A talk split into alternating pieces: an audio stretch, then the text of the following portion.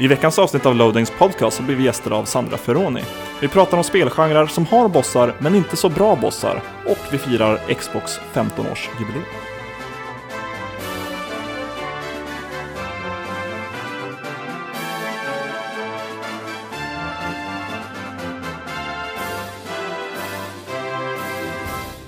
Du lyssnar på Loadings podcast, detta avsnitt nummer 163.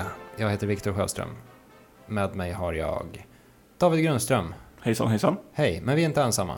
Vi har även med oss Sandra Ferroni. Ja, tillbaka igen. Tillbaka igen. Välkommen Hooray. tillbaka. På, på den här sidan podcasten kan man ju säga. Du gästade ett av de sista avsnitten på när vi var IGN, Sveriges podcast. Ja, precis. Vårt skräckavsnitt. Vilket Exakt. var, mottogs ganska varmt vill jag påstå. Ja, ett pop- det. populärt avsnitt Ja. om skräck. Ja, kul.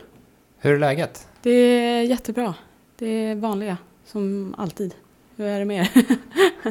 Ja, jag berättade det här innan vi började spela in podcast, men min, puls börjar typ nu gå ner på någon form av vilonivå. Jag har haft typ den jobbigaste arbetsdagen sedan jag bytte arbete på länge. När vi skulle sammanstråla om när vi skulle mötas och så vidare så kunde inte jag ge ett rakt svar. Utan var, jag tror jag blev, blev för sen, jag tror att jag kommer i tid, nu tror jag att jag är sen igen. Eh, och, ja, men ungefär uppskattning. Jag kan inte svara på den frågan.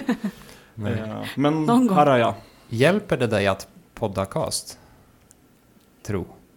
Du tänker att jag är så stressad? Ja, får det här dig att lugna ner dig? Får du ner, får du ner pulsen av att sitta här och Ja, lalla? Det Terapi. tycker jag.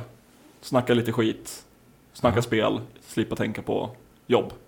Ja, Även om det blir jobb sen att klippa det här, det kommer bli kul. ja. då går pulsen upp igen. Precis. Hur är det med dig Viktor? eh, jo då, det är bra. Jag, jag fixade flygbiljetter till E3 idag. Aha. Eh, och det... Ja, det, det är väl här någonstans eh, peppen börjar. Så här, ungefär tre månader innan.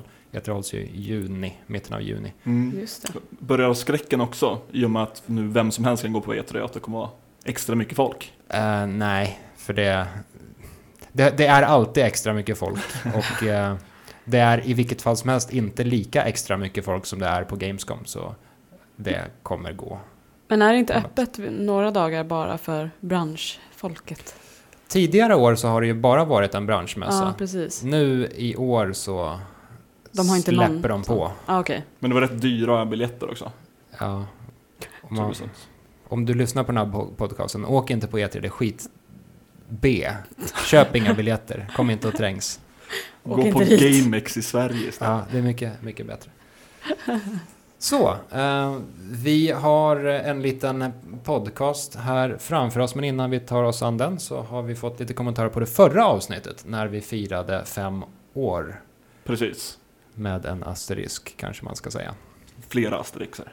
Ja, Så många faktorer som Obelixer. spelar in. Ja. Ja, i alla fall. Jag eh, hugger direkt in. Kalle Andersson, ni har så behagliga röster. Tack så hemskt mycket. Tack så mycket. Andersson. Jag trodde det stod, eh, ni sa obehagliga röster. Jag tyckte det hade varit mycket Ni har roligare. så obehagliga röster. Tack, kul att du lyssnar på vår podcast. Så hemskt mycket. Slå dig ner. Sätt dig bekvämt. Vi har även fått en kommentar från Nightswipe. Som skriver Fem år redan, hade tippat på tre högst. Congrats boys. Och tekniskt sett, eller praktiskt, något sätt så är det ungefär tre år som vi har båda tillsammans. Ja, det, det jubileumet närmar sig också med stormsteg. Japp, det är eh, sex avsnitt kvar tills mitt hundrade avsnitt. Mm. Så se till att börja, eh, jag vet inte, förbereda gratulationer. Ja.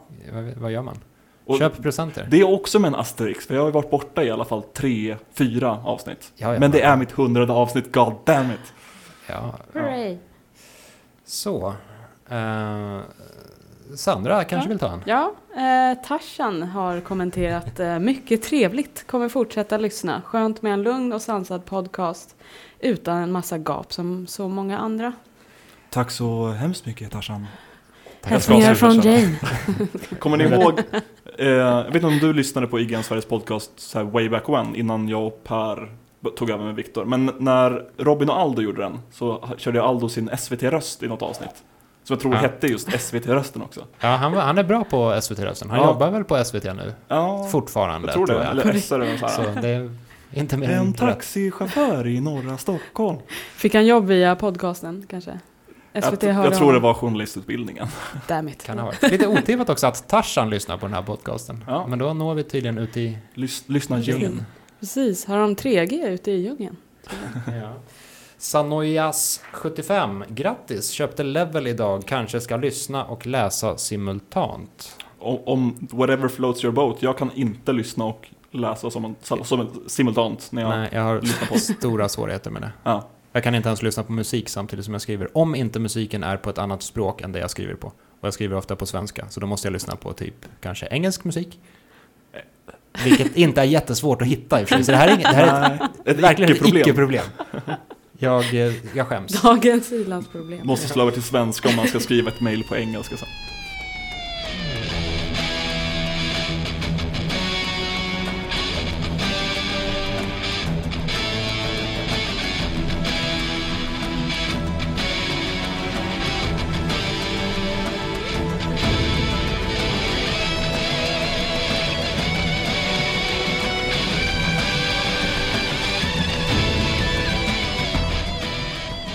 har en dum fråga även denna vecka och eh, våra dumma frågor är ofta ganska svåra. Får jag erkänna. På så Ja. sätt att vi kommer på en dum fråga, sen kommer vi inte på svaret och så sitter vi mest och kliar oss i huvudet. Förbereder inte på något sätt. Och sen med lite klippmagi så är det inte lika lång tid vi väntar innan vi säger någonting. Nej. Men det märks nog ändå. Ja. Denna veckas dumma fråga. Vilken spelgenre som har bossar har sämst bossar? Men jag tror ju att jag vet det här. Är det, beror inte skräck? På. Ja, det beror ju på vad man anser vara sämst. Tänker Ja. jag lite. Ja, För jag menar, är det sämst att det är en boss som typ bara skjuter med ett skjutvapen? Eller är den sämst för att den är tråkig? Är den sämst för att den är jäkligt svår? Det ja. beror lite Alltså på jag vad man tycker, tycker. tycker överlag att bossar i skräckspel kanske inte är så himla tight. Men sen kom jag på att jag gillade det, bossfaktorer som fanns i typ Dead Space. Mm. Och Mm, ja, till viss del i Resident Evil 4. Silent Men, Hill? ja, men det jag tänker är att ofta så är inte bossarna så jävla läskiga i skräckspel. Utan det är någonting som blir mer av en, en, eh, svamp man skjuter massa bly i. Mm. Så det verkligen dämpar den här skräcknivån. Ja, Ja. däremot så kan bossar i skrä- skräckspel ofta användas som en kul uppbyggnad, Mm. känner jag. Att det, Ja. börjar komma, det kommer en massa dussinfiender, sen vänjer man sig vid dem och sen börjar, börjar de hinta om att det finns något jättestort monster där som är helt Mm. otroligt farligt och så kommer det att göra entré. Ja. Och då bryter det av. Jag tycker Kul. också de är lite mer unika i skräckspel. Det är ofta så här, ja, Ja, den här eh, ja, Pyramid Head eller om det är någon, eh, något monster med ett päron till huvud eller vad fan vad som helst. Päron till liksom. huvud? vad, är det, vad är detta för skräckspel? Ett päron till farsa och ett päron till huvudet. Precis. Nej, Jag behöver spela. det var, det var ett exempel. Fast om någon har den idén så Ja. ja, gör det gärna. Men FPS då? Eller eh, det är lite för brett. Eh, militär-shooters, eller så här realistiska m- inom citationstecken shooters. Typ i Halo, Halo 2, när man ska skjuta en apa jättelänge. Som en magnet. Eller eh, sista bossen i Bioshock. Just ja. Eller eh, allmänt bara saker som tål mycket i ett spel där ett headshot annars löser allt. Ja... Lite varierat där, förlåt. Nej, nej, du kan fortsätta. Ja, just angående Halo, den du snackar om det är väl The Prophet of Regret? Nej, inte, inte, of inte profeten utan, utan apjäveln.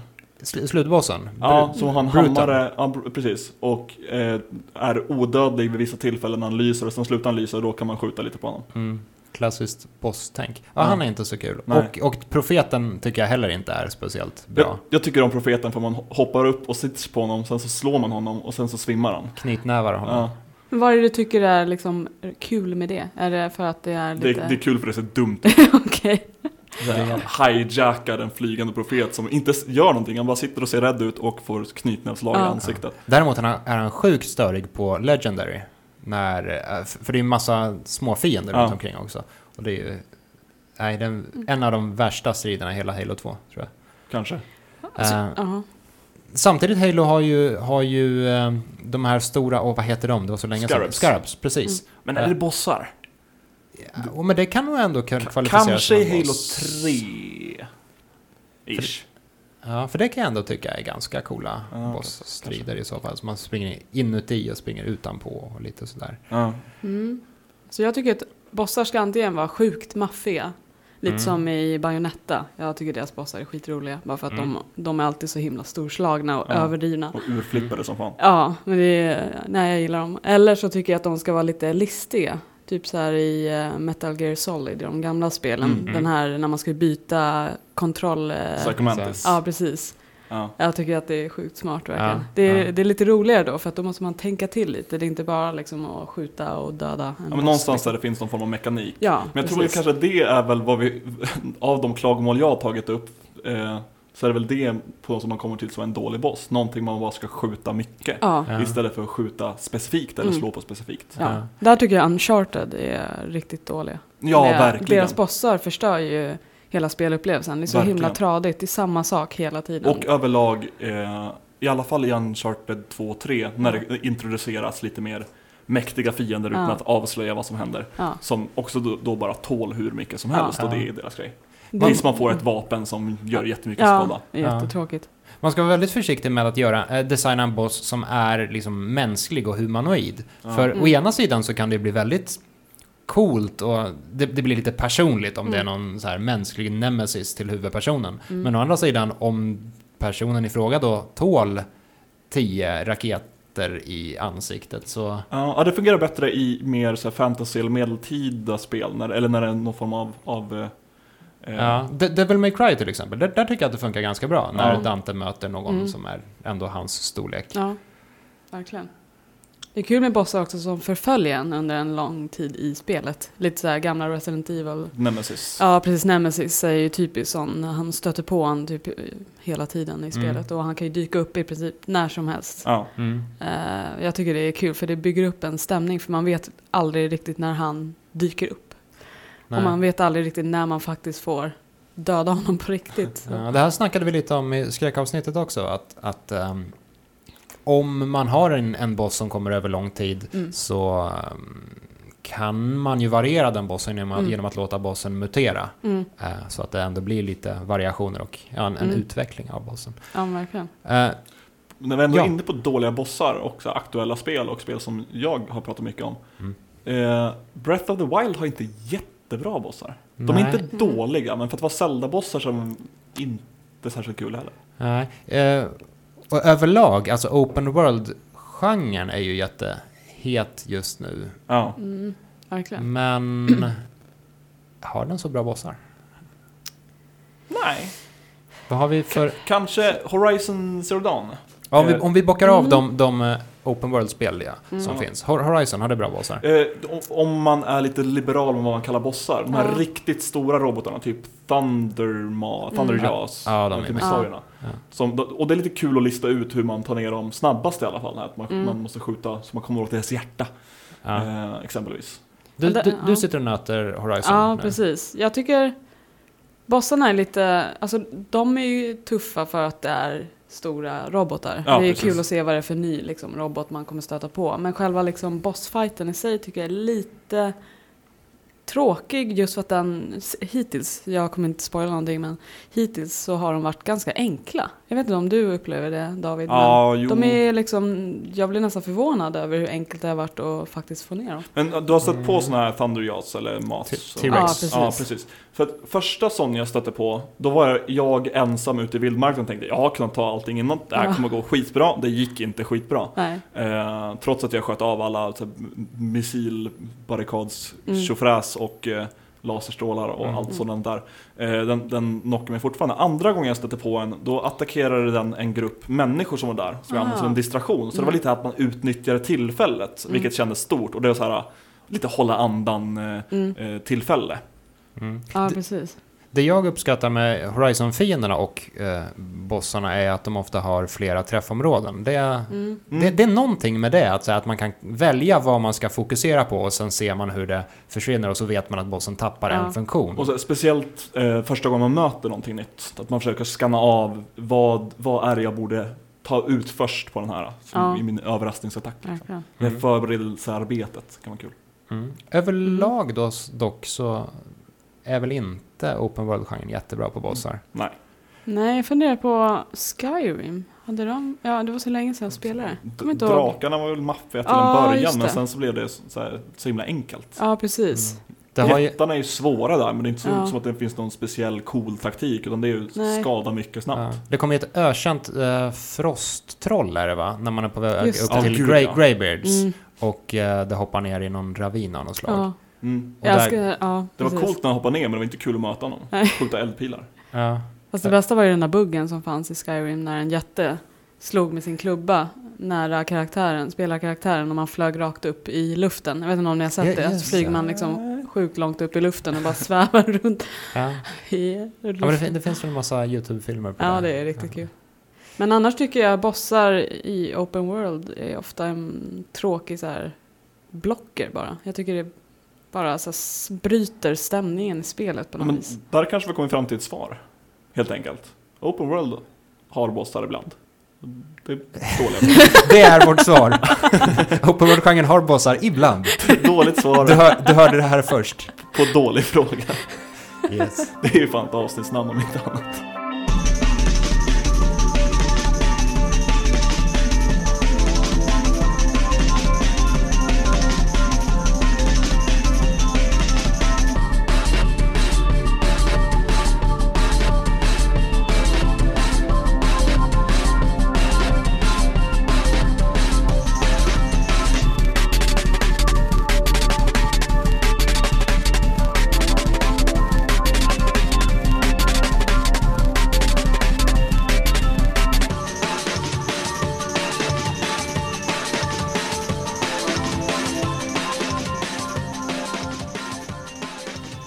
Så, mitt herrskap.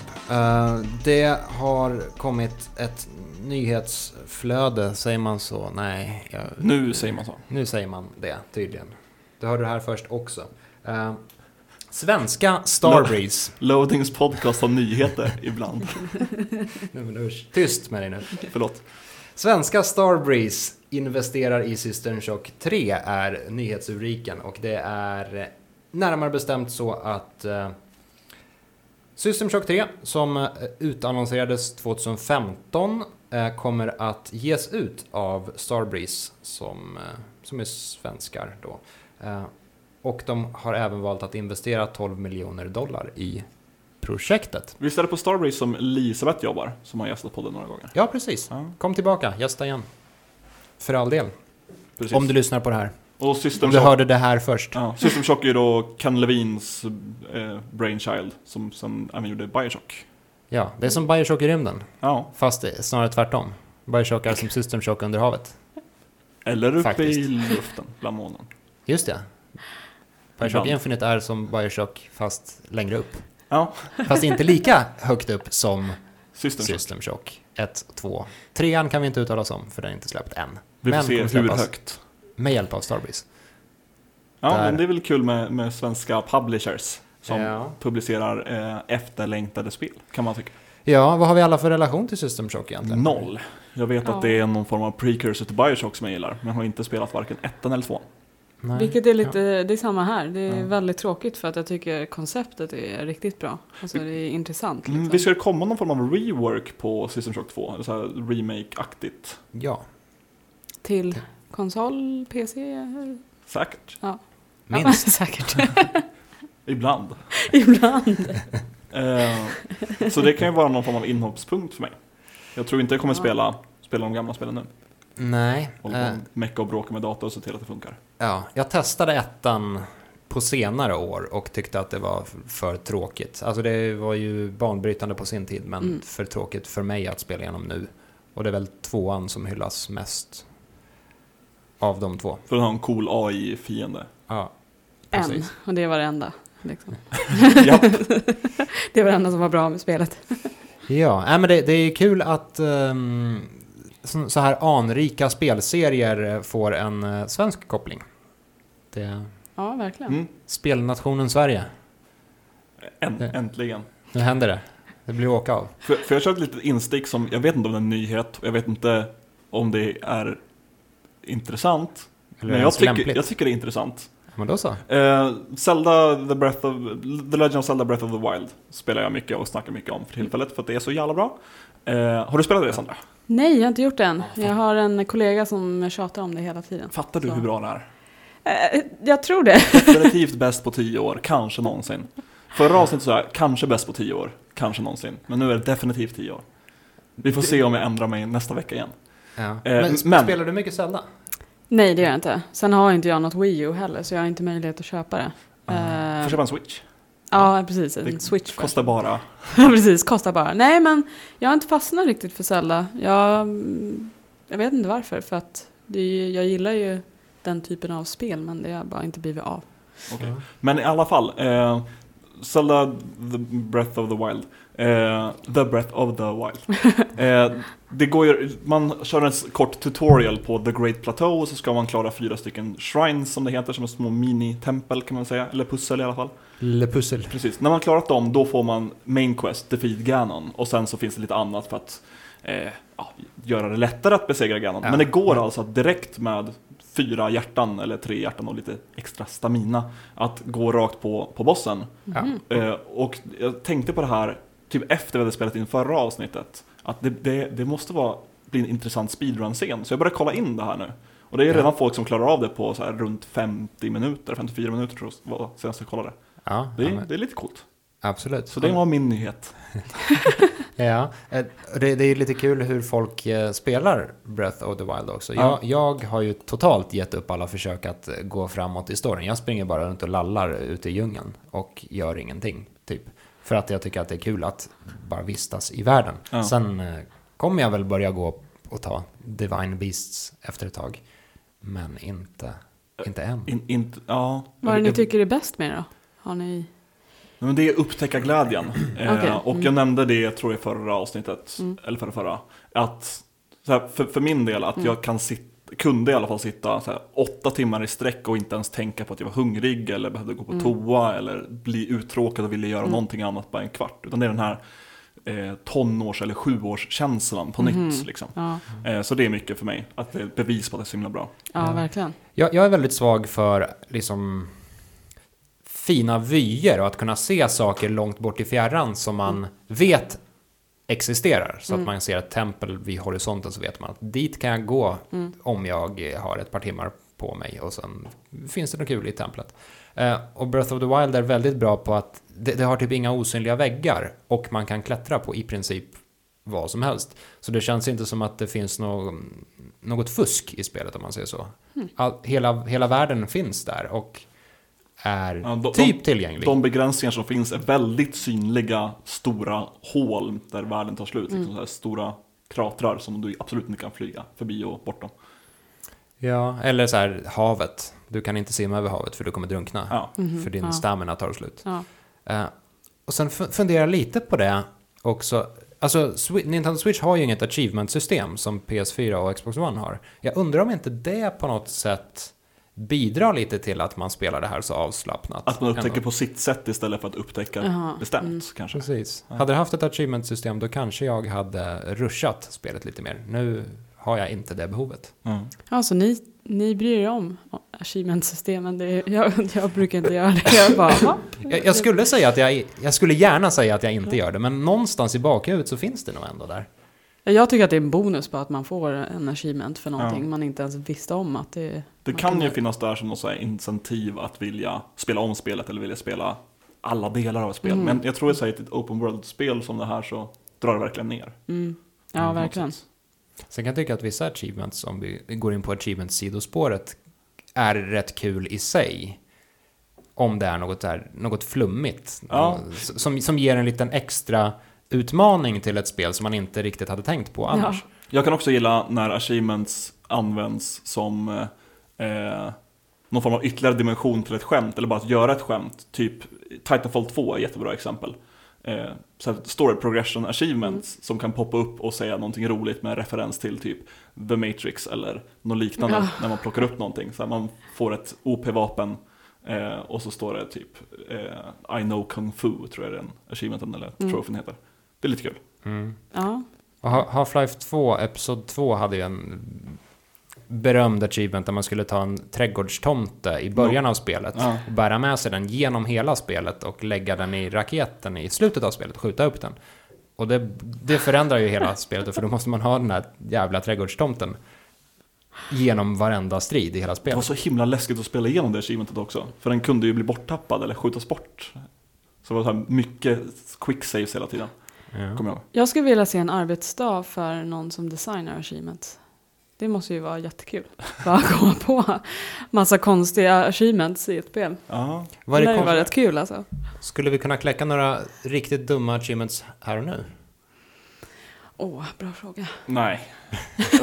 Verkligen inte oförberedd. Vi får skriva upp det på vår dumma fråga eh, pipeline tycker jag. Ja, det kan vi göra. Eller? Eller har du någonting spontant? Nej, jag vet inte. Jag, jag tänker bara... En... jag vet inte, bricka maskinen eller någonting så här. Jag kan inte komma på något. Ja, eller köra en Gears of War och döda 200 000 eh, fiender. Det är kul achievement. Det är inte ett kul achievement. Ska vi fortsätta med nyheterna? Ja, vi klurar på den eh, nöten. Klurar man på nötter? Nu gör man det. Nu gör man det.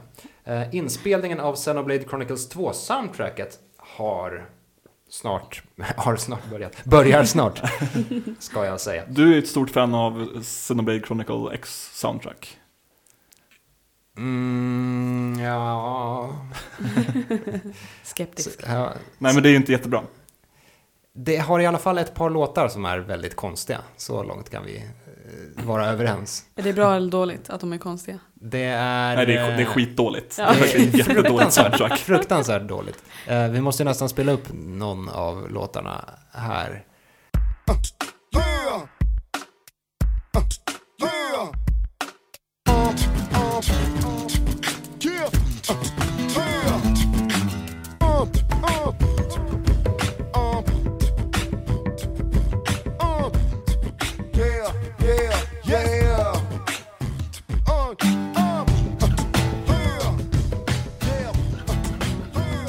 Och det som är lite kul med det här är, är, är ju dock att, eh, att mannen som har skrivit det är eh, Yasunori Mitsuda som en gång i tiden jobbade med Chrono Trigger.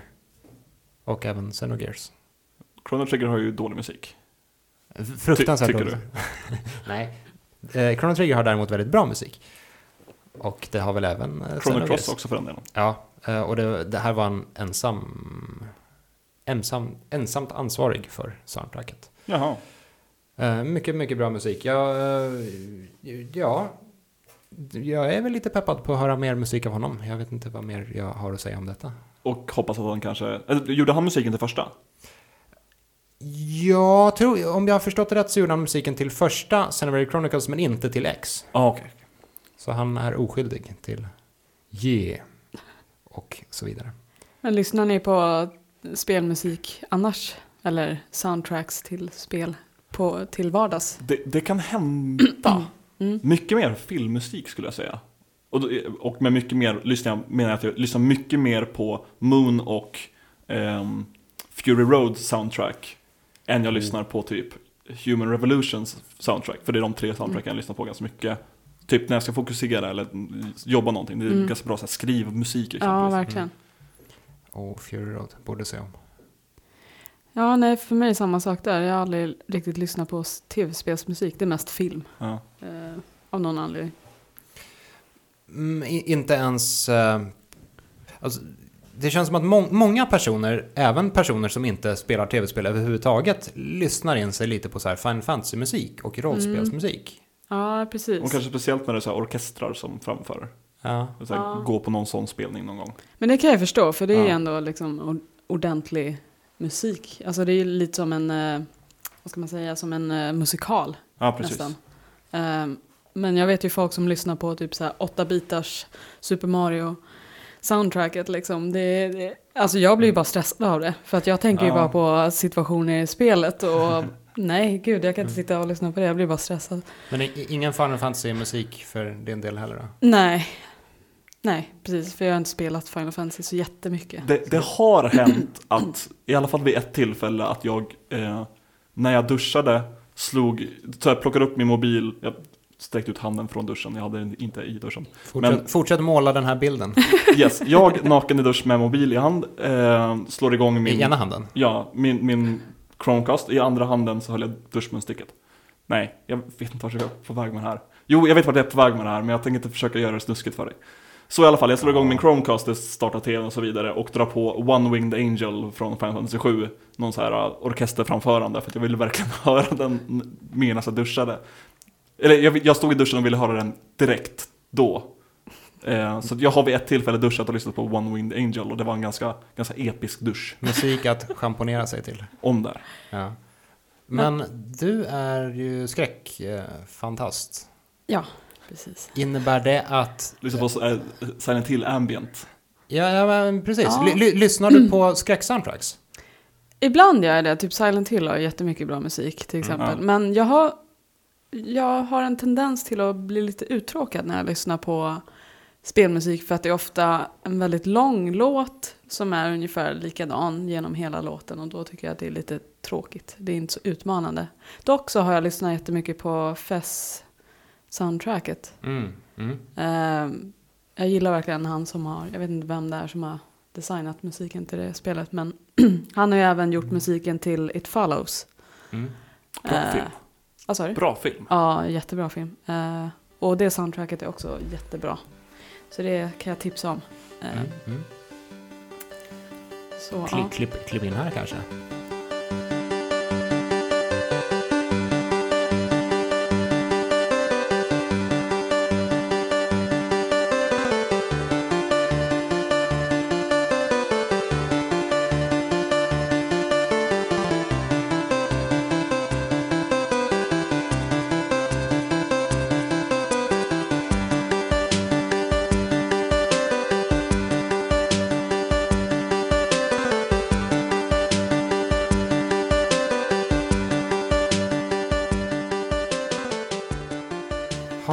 Spelat Ico och Shadow of the Colossus och kanske även The Last Guardian? Inte klarat något av dem, inte ens rört The Last Guardian. Jag har börjat lite. Jag har det på, eh, på någon sån här du, dubblettskiva. Jag Ja. inte. Ja, just det. Eh, HD. HD-remaken. Mm, ja, ja, precis. samma här. eh, Men jag har också varit dålig på att slutföra spelen.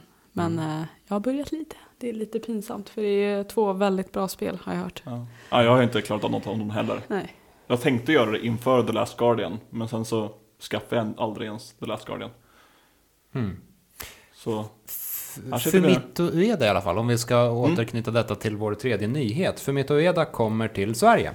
Och Ueda är alltså eh, mannen som är ja, huvudskaparen bakom de här tre, ehm, tre spelen. Som egentligen inte, de hänger inte riktigt ihop, men de hänger samtidigt ihop. Eh, lite grann i världen och så. Han kommer att eh, gästa Nordic Games där han kommer snacka med Massives David Polfelt. Nordic Games, den här eh, svenska branschspels tjofräsen. Mm. 17 till 19 maj. Så han ska prata spelutveckling och speldesign alltså. Ja, Ja. Med Massive ska han snacka om hur man gör avatarspel bäst. Kanske. Eh, är ni peppade på att höra vad han har att säga? Med, alltså med, med tanke då på att han har gjort Ico, Shadow of the Colossus och The Last Guardian. Ka- Jag kanske gärna läser någon form av sammanfattad artikel som beskriver hans uttalanden, men jag tror inte jag vill se en något sån presentation. Jag tror inte jag kommer söka mig till en sån presentation i alla fall. Det kan ju vara Nej. intressant att veta hans tanke bakom spelen, tänker jag. Eh, Men sen så vet jag inte så mycket om honom som speldesigner. Så, Mm. eh, men jag tycker alltid det är kul att få höra idén bakom sin design. Det är Mm. alltid intressant, tycker jag. Mm. Eh, Jag, ty- jag tycker det är lite kul att, att han ska snacka med en, en snubbe från Massive. Som ju kanske inte riktigt är kända för... Alltså Ueda gör ju ganska konstnärliga Mm. spel som eh, ibland är lite otajta rent tekniskt.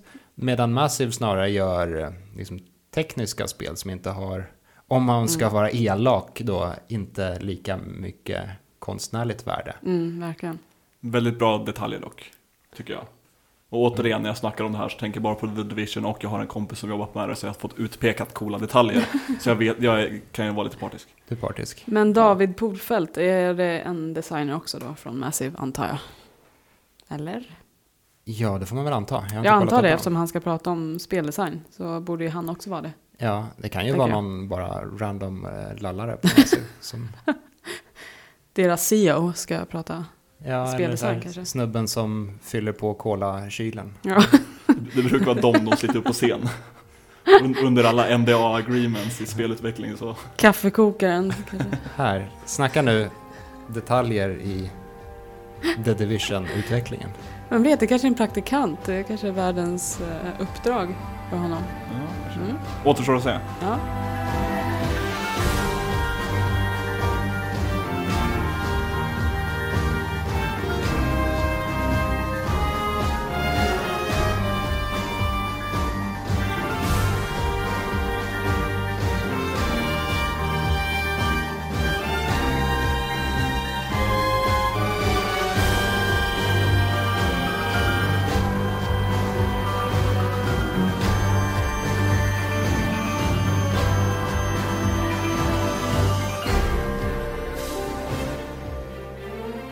David, du har spelat Zelda. Hör och häpna, jag vill prata mer om det. Mm. Jag, jag, För, för tredje avsnittet i rad. Ja, precis. Förra avsnittet snack, jag hade, har ju klarat av Ganon och så vidare. Eh, och trodde, Spoiler! ja, och tänkte att eh, shit, nu hade- var jag inte lika sugen på att spela längre. Men det försvann efter några dagar, så nu spelar jag jättemycket igen. Och kör så här, ja men Shrine Quest och försöker upptäcka världen och, och lallar runt. Jag kör en Viktor fast postgame. Mm. Eh, och Det- vad jag gjort mycket är just att jaga shrines, eller titta på kartan och se, där måste det ju finnas någonting. Ja. Vad finns där? Och ta mig dit. Ja. Drar du dig också väldigt mycket för att använda en guide? Ja, Jag- gud ja. Jag skyr liksom nyheter och guider och sånt rörande Zelda som pesten för tillfället. Jag jag har kollat upp lite saker, för jag har sett så här i, i typ mitt YouTube-flöde att någon har så här Ocarina of Time-dräkten. Hur fan får man den? Och det verkar typ vara Amiibo-relaterat, så att det blir inget av för mig. Eh, Guider är väl roligare att köra på när man är färdig med spelet. Ja. Om man vill köra om det. Och sen hitta det sista man kanske har missat. Ja, precis. Eller om man, om man väljer att 100% men inte orkar köra allt. Ja, men ja, just precis. nu så är det så himla mycket jag har outforskat som man kan springa runt och, och göra. Mm. Och jag, jag skulle vilja prata lite grann om, om det coolaste sidequestet hittills. Det går bra. Ja, eh, om du är spoilerkänslig för Zelda så, och det här är då ett sidequest, det kommer, har inget med huvudstoryn att göra, men det är lite coolt. Så hoppa fram kanske en, två minuter. Eller sluta lyssna. Fast gör inte det. Nej. Ja, i alla fall. Eh, kartans sydöstra hörn längst nere så finns det en, en ö. Som jag såg, jag tänkte där måste det finnas någonting. Så jag, Som, som heter nästan Koholint Island. Den heter Kohol... Ja, något sånt där kanske. Eh, det är så himla bra uppdrag i alla fall. Det är svårt att ta sig ut dit. Eh, man kan väl typ stå på någon flotta antar jag och, och blåsa med sitt mm, ko- korok, kokorok löv på seglet. Men det lär ta hur lång tid som helst. Eh, så man får väl, det jag gjorde var att jag hittade en hög punkt som tittade ut mot den här ön och började flyga. Men min stamina räckte inte och jag hade ganska mycket stamina. Eh, så det... Men, men det måste väl vara meningen att man ska ta båten över? Ja, alltså jag flög i alla fall och fixade så stamina replenishing items så jag kunde fylla på mitt i luften och få tillbaka orken. Ja. Men i alla fall, när man ta- tar sig dit och så fort man landar på ön så startar det, kommer upp så här blå text som när man kommer in i shrine, eller som vissa andra shrine quests genom spelet. Eh, som säger, ah, du, hittills har du förlitat dig på dina verktyg, nu måste du klara dig utan dem. Så man blir av med all mat, all utrustning, alla vapen, allting. Och står där i sina shorts. Och måste överleva på den här ön. Och det är att hitta nya vapen. Eh, Det finns tre stycken mindre shrines som man ska ta lysande bollar till. Eh, och, och aktivera dem för att ja, bli klar. Eh, men det här, det här tvingar en att spela lite grann med spelets eh, stealth-mekaniker och fuckar man upp så måste man ju ta, hantera den situationen. Eh, det går inte att, att ladda eller spara när man är på ön utan du måste dö i sådana fall. Oj, Och sen gå tillbaka till din Mhm. tidigare sparpunkt. brutalt. Eh, och det, vädret är ganska aggressivt också, så det går i cykler och du kommer, eh, så här, vad heter det? Ilska höll jag på att säga, blixtar. eh, Ilska. Men hur klarar man uppdraget då? Eh, Det, det man gör är att man, man måste ta sig till, till de tre punkter där det finns såna här shrines som man Ja. måste då leta upp. Det Okej. finns en som är väldigt tydlig när man kommer, kommer dit. Eh, och sen så kan man typ lista ut vad det finns. Eh, och hit, dels hittar de här eh, bollarna som man måste stoppa ner i shrinesen. Eh, och samtidigt då överleva mot ganska simpla fiender. Men du har inte någon rustning så att du tar mycket mer skada och eh, man har inte så starka vapen så de tål, tål mer. Mhm. Och det finns sådana här, här Hinox, de heter, de här jättarna. Just det. Som, sover, som då har de här kulorna runt halsen. Eh, så när jag besegrade honom, det var verkligen att jag flög till honom, för att man har va- vapen som inte gör någon skada alls på, på den här bjässen. Så tog, tog kulan, stoppade ner den i shrinen och bara kajtade honom eh, på en. Jag, hys, jag hyser ett stort förakt för stealth i spel som inte är stealth-spel. Ja, det, alltså jag ställde inte mycket utan det är lite så här först, eh, smög runt för att hitta någon form av utrustning, sen började jag gå på, på, på, Mm. för att få lite mer utrustning och sen så kunde man gå lite mer rätt på. Eller försöka ta en i taget. Men det var, det var lite mer planerat spelmässigt. Du får testa att köra det uppdraget. Se vad du tycker. Spännande. Ja, jag får göra det. Eh, Sandra, du, du som ännu inte kör Breath of the Wild, eller jag Mm. vet inte om du tänker köra det. Jag skulle vilja göra det. Ja, känns, hur, hur känns det? Alltså, jag antar att resten av spelvärlden måste vara ganska odräglig just nu. som bara sitter och ylar om Zelda hela Ja, dagarna. lite så. Eh, Det som är det negativa med att inte spela själv är att allting blir ofta spoilat innan man själv hinner köpa det. Ja, Eh. Det är det som är lite dumt. Det är därför jag började spela Horizon ehm, direkt. När det kom ut. Bara för att jag inte ville att folk skulle hinna spoila innan jag ens hade köpt det. Nej. Så det är ju det som är tråkigt när ett eh, stort spel släpps och alla pratar om det. För att samtidigt så blir jag väldigt eh, sugen på att spela det för att jag har ju sett hur det ser ut och det verkar riktigt schysst. Ja. Och ju- ju- just de här open world-spelen som Zelda eller typ Skyrim på sin tid eh, blir ju ofta en slags fenomen också när alla Mm. börjar snacka om sina egna upplevelser. Så här, Ja. "Ah, Jag klättrade upp på ett berg och där fanns det en get och det var jättekul. Här. Ja men precis, alltså det, det är ju kul att alla har sin egen bild av spelet. Ehm, eh, men eh, sen är det i och för sig inte så många i mitt flöde som spelar Zelda. Då så. Det, det är skönt, men det är mest att när jag så här går in på IGN eller läser någon annan eh, nyhetssida så är det ju överallt. Liksom. Ja.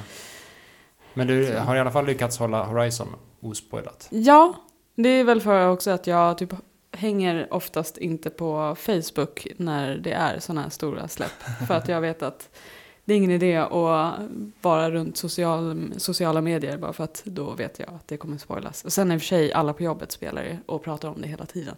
Mm. Och så mobbar de mig för att jag är så jäkla seg på att komma någon vart i spelet. Men hur går det med Horizon då?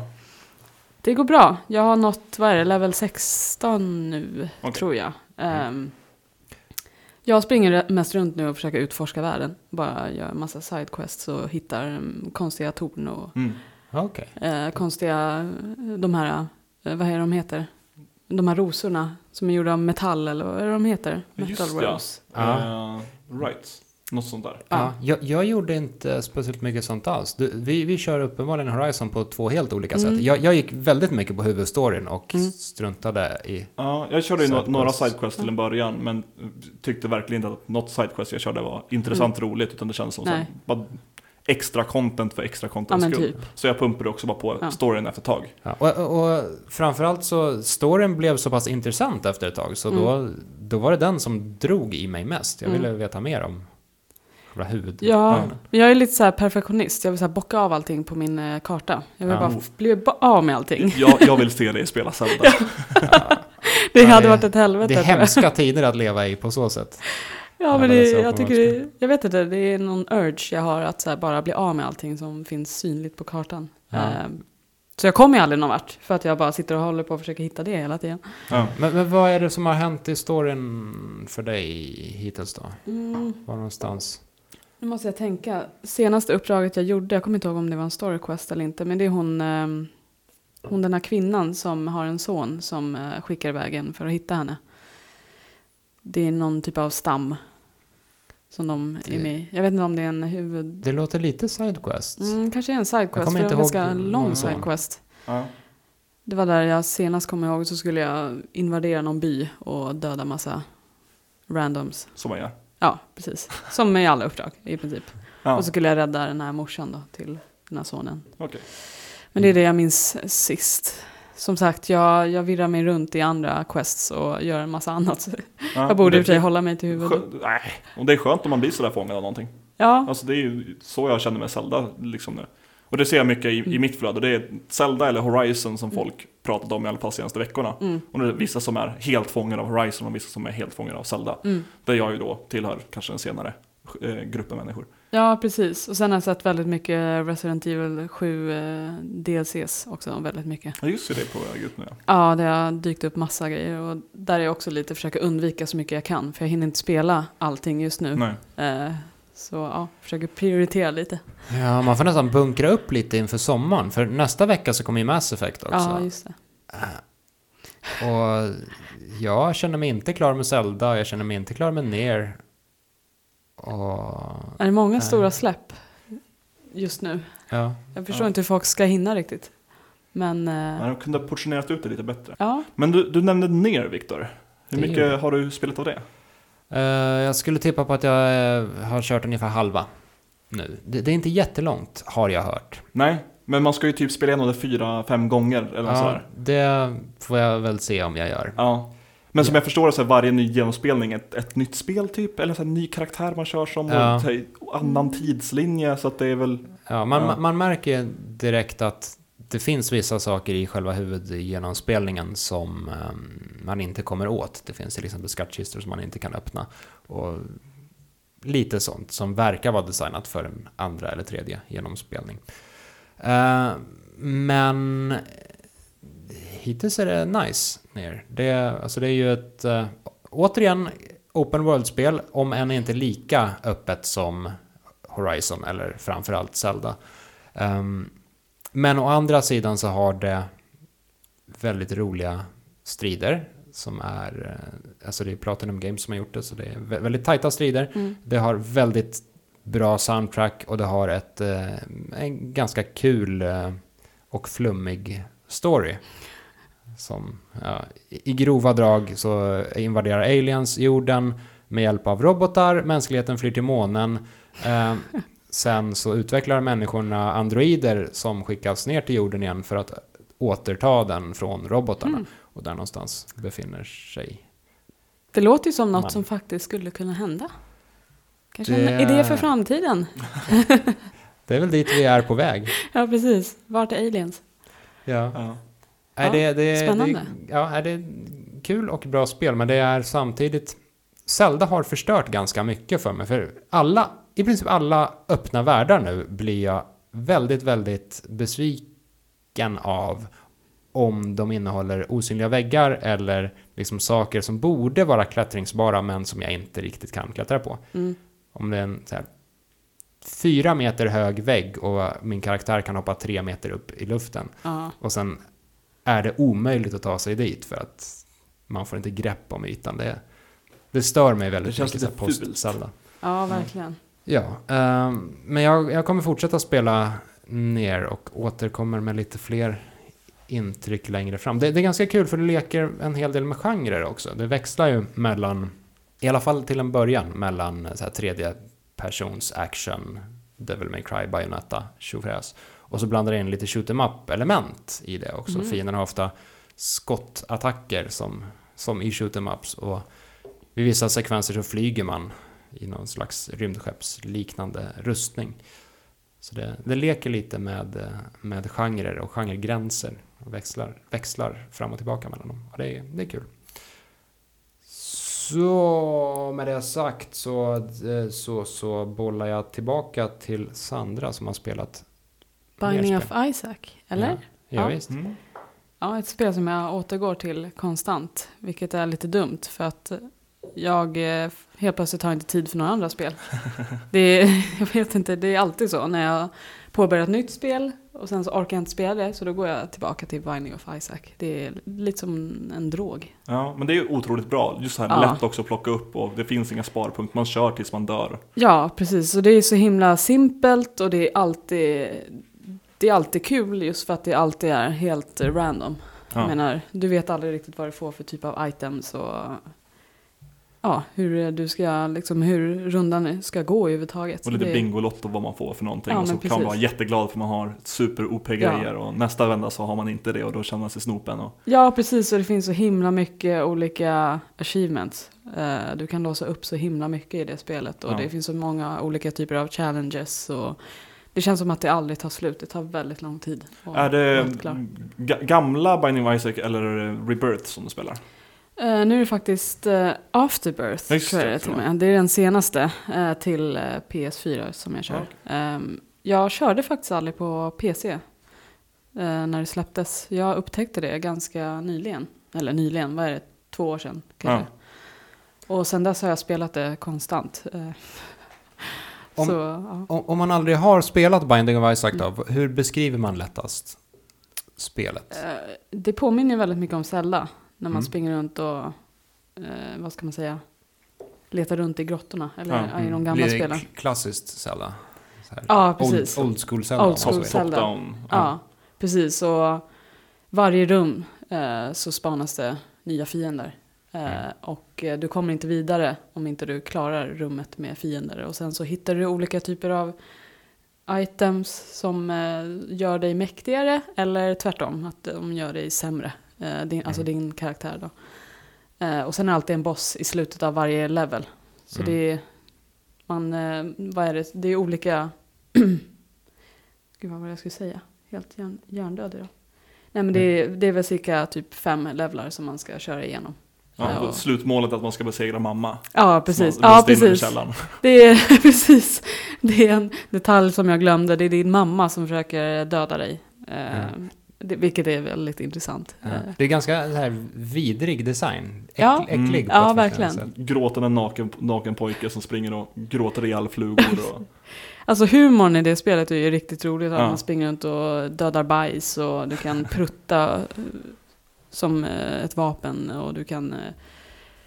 Ja, det finns massa. Det finns kiss-bajs och det finns eh, kiss-tears som du kan Ja, skjuta. Och, istället för att gråta sina skott så blundar han och ser lite glad ut och, och kommer ja, projektilerna lite längre nerifrån. ja, precis. Ja. Eller om man, det, om man har typ ett halvt hjärta kvar och kommer in i ett rum, då kommer det vara en liten kisspöl Ja, i den när man kommer in för man Lite är så, så. rädd. Ja. Ja. Det finns massa sådana roliga. Men när du spelar det, för det finns ju jättemycket items och så här ett deck of cards med massa olika kort man kan Mm. plocka upp där vissa är bra, vissa är dåliga, Mm. vissa gör specifika saker. Precis. Jag kan ju inte spela det här utan Mm. att ta upp en wiki på sidan av och så här, kolla, är det här någonting jag vill ha? Ja, precis. Eller- Det, det tar ju ett tag innan man kommer ihåg allting. Ja. Jag kommer fortfarande inte ihåg vad alla items gör. Jag Nej. menar, det är ju typ eh, hundratals items. Korten och pillerna vet jag nu vad de gör. Okej. eh, utan till. Men jag har ju låst upp nya items, och, eller vad säger jag, Aha. nya piller och nya kort nu. Så nu har jag ingen aning igen vad de här nya gör. Men ja, det är ett hassle att hålla koll på allting. Men det finns ju en sån smart app. Okej. Så det är som en wiki liksom, Ja. för Binding of Isaac. Sen kan du bocka av varenda item som du har fått. Nice. Det var ju Ja. väldigt mycket buzz runt det förut. eh, Det här hela second screen. eh, Companion-appar. Ja, alltid, man skulle Ja. alltid ha, ha någonting lite bredvid på sin iPad. Och ska du kolla på Game of Thrones, då måste du ha en iPad bredvid där du kan kolla upp så här vilka hus som ligger i krig med varandra. Aha. Eller Det- vem som är vem, för de har ju typ tusen olika karaktärer med jättekonstiga namn. Alla har skägg och ja, svärd. det också. Precis. Ja, men eh, det, det, det känns som att det inte riktigt fastnade, den, den eh, trenden. Eh, Inte för Nej. mig i alla fall. Jag, Nej, du har ju ingen smartphone. nej, just det, det kanske är därför. Ja, kan nej, det är väl ingenting jag har gått på heller. Problem solved.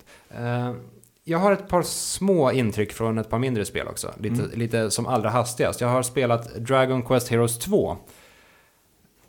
Spelade ni Dragon Quest Heroes 1? Nej. Någonting? Nej. Jag har inte spelat något Dragon Quest. Spelade ni eh, Dynasty Warriors? Eller möjligtvis Hyrule Warriors? Nej. Nej. Men jag vet vad det är. Ja, men då så. Du ser.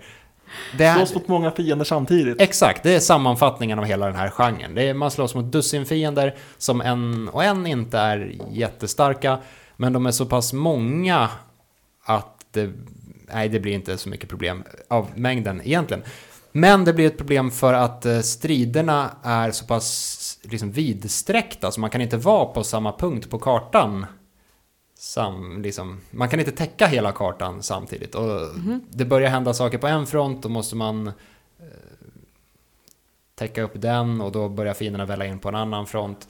Så det, det är lite någon form av någon form av strategiskt element miss, mi, mitt i en så här masslakt av dussinfiender. kan man säga. si- Situationshantering. Ja, lite så. Väldigt, eh, väldigt dumt egentligen. Det är ju inte ett jättesmart spel, men det, det finns något slags strategiskt lager där i alla fall. Eh, Och eh, Dragon Quest Heroes 1 var ett förvånansvärt kul spel. Dragon Quest Heroes 2 är väldigt, väldigt, väldigt mycket som ettan. Så till den milda Fast grad... dubbelt så mycket. Precis. Precis. Du får dubbelt så höga betyg. Rätt. Upp och ner. Nej, men eh, Dragon Quest har, Dragon Quest som serie har ju en tradition av att återanvända gamla melodier och gamla figurer för att eh, ja, man ska känna sig trygg med det här varumärket, man ska veta vad man får. Men det här slår nästan lite bakut här. För, för det, det, Här i väst. Ja, det blir... Här återanvänder man ju låtar och eh, fiender och så pass mycket att man knappt märker att det är ett nytt spel. Och då, även om det första spelet var bra så... Då känns det som att de bara vill punga ut ett nytt spel för att tjäna lite pengar. Det är det, intrycket, det, ja, det är det intrycket man får. Det är ju jättetråkigt. Då är det ingenting nytt alls. Det är som att köpa ett nytt kodspel. Liksom. Det är det enda de har bytt ut så här, texturerna på sina vapen. Typ och lagt Ja. till någon... Fast det här, det här är Ännu en, mindre. ja, en, ja, ännu mindre nyheter än kod. Som ändå har unika kampanjer liksom. Ja. Ja, Sen har jag även som hastigast spelat eh, Lego Worlds också. Det vill säga Minecraft, fast med Lego. Ja. Minecraft är som Lego fast spel. Kan, du, Lego Worlds är som Minecraft fast med Lego. kan, kan, kan man klättra upp för allt man ser då? Känner du dig trygg i den här öppna världen? Nej, man kan inte klättra upp på allting här heller. Eh, Det är en ganska kul och stor värld att utforska, men det är samtidigt väldigt jobbigt och omständigt att bygga. Och jag tycker att så här, enkelheten i Minecraft är en bra grej. Att Verkligen. mm, man verkligen. hackar loss ett block, man kan placera det någon annanstans. Och göra väldigt, väldigt komplexa saker med enkla medel. Ja, men det är, det är ett enkelt och tydligt sätt att Ja. bygga på. Här har man massa verktyg som visserligen i teorin underlättar. Man kan så här jämna, man kan platta till marken, man kan höja och sänka vissa delar av terrängen, lite som Doshin the Giant. Det gamla pissspelet. Vad var syftet, eller vad är syftet med spelet? Är det att du bara ska bygga en egen värld, precis som Minecraft i princip? Ja, i, i stora drag så är det ju, Mm. ja, bygg med lego. Okej. Fast eh, utan faktiskt lego i form av ett tv-spel istället. Spännande. Ja, fast jag, jag, jag tyckte inte det var så kul ändå. Jag, jag, jag älskar att bygga med lego. Mm. Lego är en, en grym uppfinning. Och jag tycker att Minecraft är ett grymt spel. Mm. Men Lego Worlds, det, det blev inte det, det bästa av två världar Nej. ändå. Det blev snarare lite sämre än både Minecraft och att faktiskt bygga med lego. Svårt att konkurrera med Minecraft också. Det är, det är nog lite smått farligt. Jag menar Minecraft slår ju ofta alla de här typerna av spel. Där man behöver bygga Mm. upp sin egen värld tycker jag. Ja, Ja, det, Minecraft är väl på många sätt någon form av per, per, perfekt lego i digital form. Ja, Ja, det är ganska etablerat vid det här laget också. Så även om det kanske inte var ett perfekt sätt att bygga på så är det det man har vant sig vid i det här Mm. laget. ja verkligen.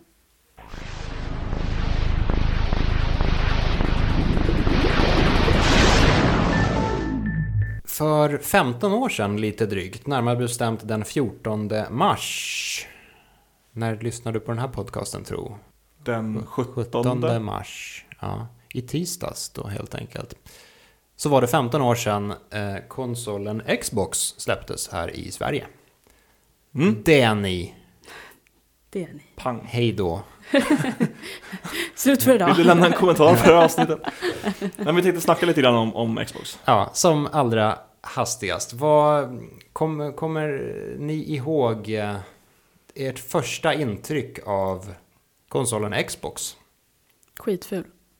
Det är det jag kommer ihåg. Skitful. Ja. Ja, mitt första intryck, det här, jag gick i högstadiet när det här kom ut. Eh, 2002. ja, då Mm. var jag, då var jag 12. Mm. Ehm, men jag, jag kommer ihåg, för jag var så här renodlad Nintendo-fanboy då. Och då var det man hade sina, Medan du nu för tiden bara sitter och tjatar om Breath Zelda. of the Wild. ja, men, Ja. Men, men, ja. Once a Nintendo fanboy, always, etc. Eh, men, men vi hade så här, eh, vi hade, vi hade våra påhopp på de andra konsolerna och folk som spelade. Alltså, ja, men, jag tror jag har tagit det här i podcasten för länge sedan någonting. Men, men Playstation 2, det var en bra konsol. För man kunde använda grafiken som linjal. Och så ett typiskt högstadieskämt, att man måste skämta om linjaler för det är bara i skolan man använder linjaler. Och Xbox, det är faktiskt en bra konsol. För man kan använda kontrollen som en pulka. För de här enorma kontrollerna. Men den är ju inte urgröpt, så det blir ju en så här som en pulka som är full med annan plast. Nu tar du det här för långt. Precis. Det blir väldigt konstig pulka. Medan GameCube bara är perfekt. Ja. Ja. Men när kom första Xbox? Eh, jag minns inte om den kom före PS1 eller efter. Jo, det var efter. Det var efter, Det var i samband med? Playstation 2 och GameCube. Ja, men just det. Precis. Den generationen. Så var det ja. Ja, jag Ja. blev anklagad för att ha varit köpt av Microsoft när Xbox kom. Jaha, är du en speljournalist? Jag, eh, jag skrev en recension av eh, GameCube-spelet Super Smash Bros. Melee. Och gav det 6 av 10. Eh, Det, här legendariska recensionen. och det här var i samband med att Xbox släpptes då. Och då dök det upp forumiter på forumen och hävdade att vad fan, det är uppenbart att, eh, att han har mottagit mutor från Microsoft. För att de ska Men sälja gud, e- ja. Xbox och eh, Så måste det GameCube vara. ska floppa. Ja, jag, jag hade lätt kunnat vara en av de som skrev det. Du var faktiskt en av dem som skrev det. Kanske. Jag, jag, jag, det här var ju Superplay i röda, röda forumet-tiden va? Nej, det var blå. Okej, format. då var det innan jag var forumist. Måste det vara. Ja.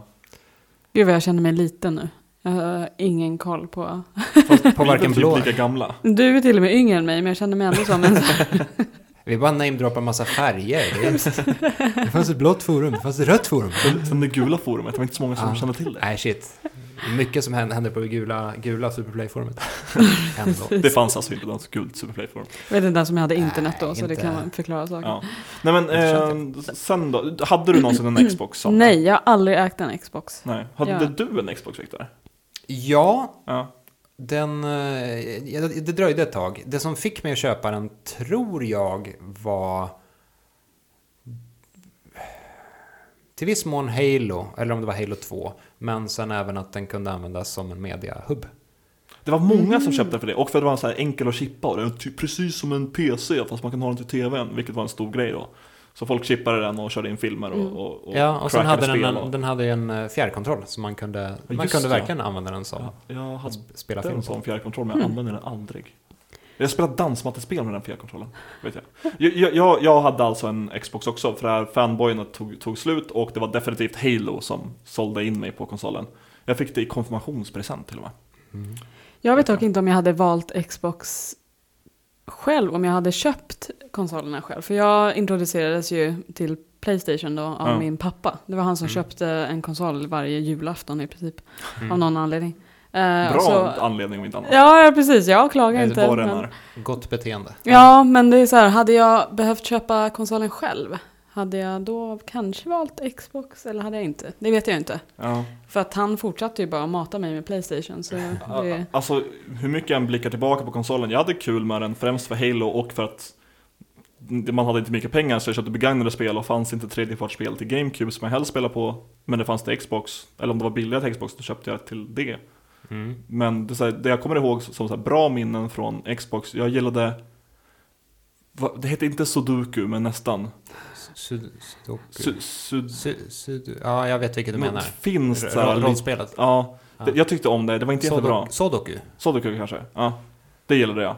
Och så Halo 1, 2 och eh, Beyond Good and Evil spelade på det också. Mm. Men sen Mhm. tänker man tillbaka på det så var det inte jättestark line-up. Oddworld. Mm. Strangers Wrath. Ja, Åh, det, det, nej. det, gillade- folk, men jag spelar aldrig det. Sjukt, sjukt grymt. Ja. Uh, och sen Stubbs the Zombie var ju kul. Det var en zombie som kunde kasta bort sin egen hand, som kunde springa runt. Så kunde man Kom kasta till ut... Medieval till PS1 också, Ja, fast det var med skelett. Var det inte man kunde förlora sitt huvud i Medieval också? Ja, kanske. Man kunde använda sin arm som Ja, vapen. just det. Ja, gud. Vilken gammal Nej. goding. Det här kanske inte är ett, ett, en, en god eh, detalj att ha med i spel, för vi har även det här spelet Red Dead, he- hette det va? Det som kom ut till 360 massor med år senare när man kunde spränga av sig alla kroppsdelar och rulla runt med Ja, men huvudet. just Det det. var skitdåligt. Just det, det här har vi pratat om förut tror jag. Ja, det jag minns det tog vi här. säkert upp. Ja, precis.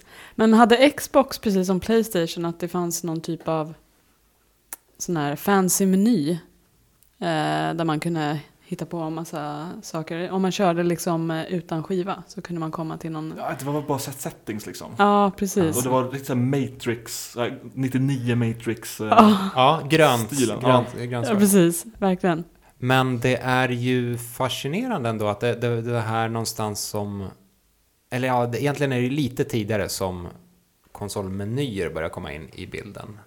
Eh, Playstation 1 hade ju den här minneskortmenyn. När man Ja, precis. minneskorta Ja. sig. Dreamcasten hade en klocka och kunde, ja, man kunde se tiden Ja. på den.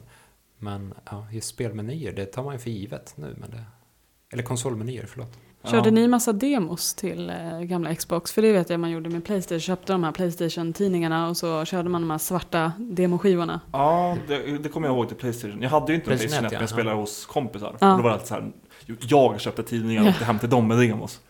Eh, mm, Ja, men jag kommer ihåg den här grejen. Jag vet Ja. att eh, man kunde köra typ någon typ av, vad ska man säga, lite som en så här, eh, en sån här simulator. Jag vet inte om ni kommer ihåg det, man, det var som en T-Rex som bara gick runt på samma Precis. plats så kunde man zooma in på honom och mm, här, öppna, öppna, och analysera stänga, honom. öppna och stänga munnen. Ja, precis. Och det var så otroligt snyggt. Ja. Att, den T-rexen var liksom uppmålad med, i, i realtid. Ja, var, precis. Och så fanns det någon vansinnigt. rocka också. Ja, Ja, som simmade runt. det var så häftigt. Man tyckte det var det coolaste någonsin liksom. ja, det här missade Sjukt, jag. sjukt snyggt demo. Bra Xbox-minne. Ja. Precis. Nej men, eh, Grattis Xbox 15 år. Jag kommer inte ihåg det jättevarmt. gratulerar. Vi minns eh, med värme T-rexen i, i Playstation 1 eh, demo-skiva-formatet.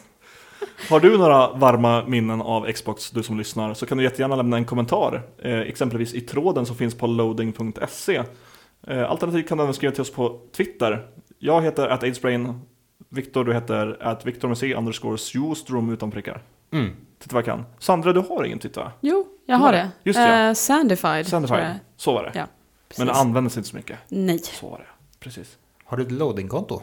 Nej, det har jag faktiskt inte. Då får du regga ett sånt och gå in och kolla. Illa kvickt. Ja, precis. Ja, så folk kan gå in och... Tack, tack, Kolla så, på mig. tack så jättemycket för att du ville gästa Ja, igen. tack tackar. själv för att Väldigt kul fick att ha komma. dig här. Ja, Och tack du som har lyssnat. Let's do it again. yes. Vi hörs. Hej! Hej då!